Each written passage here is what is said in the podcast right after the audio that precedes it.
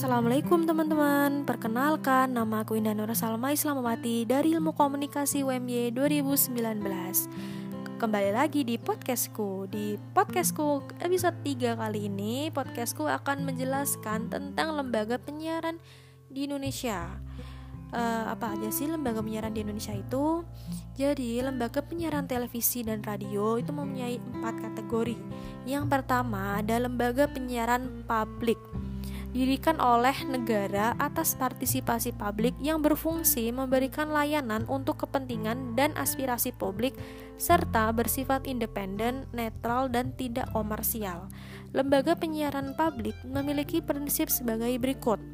Yang pertama, siaran menjangkau seluruh lapisan masyarakat tanpa adanya batasan geografis sehingga daerah-daerah ekonomi miskin tetap mendapatkan layanan siaran. Yang kedua, program diproduksi sendiri, tidak hanya mengikuti rating dan selera pasar. Yang ketiga, mandiri, tidak dipengaruhi pihak luar seperti pemerintah, partai, politik, ataupun pemodal.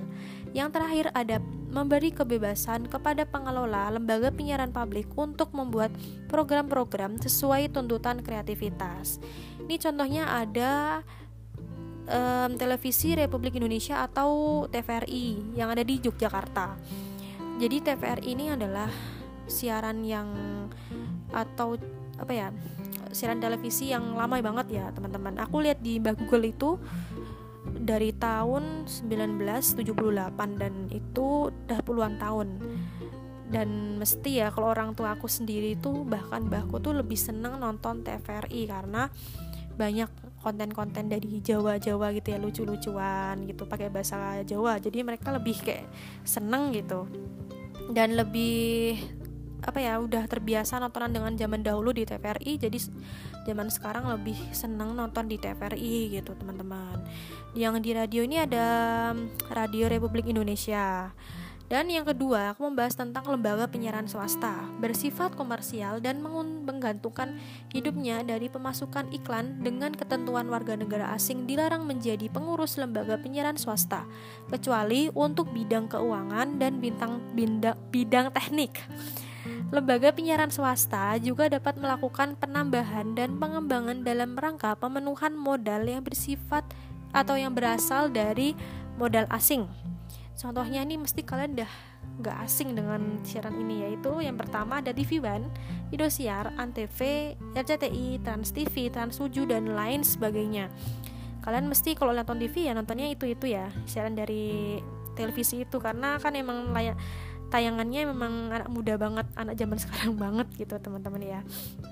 Yang ketiga ini ada lembaga penyiaran berlangganan disiarkan khusus untuk pemirsa yang bersedia membayar atau berlangganan secara berkala menggunakan satelit penyiaran langsung atau direct broadcast satelit DBS dan kabel sebagai media penyalur dalam penyampaian program kepada konsumen.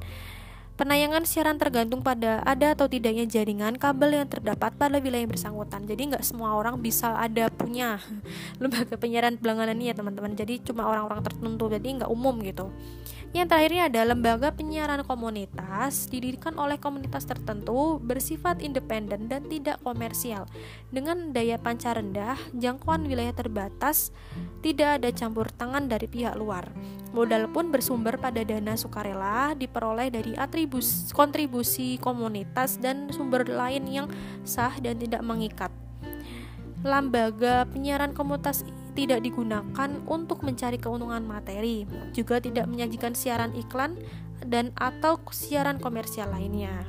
Cukup sekian dari teman-teman podcast di episode 3 kali ini aku membahas lembaga penyiaran di Indonesia. Nantikan di episode 4 besok. Sampai jumpa teman-teman. Wassalamualaikum warahmatullahi wabarakatuh.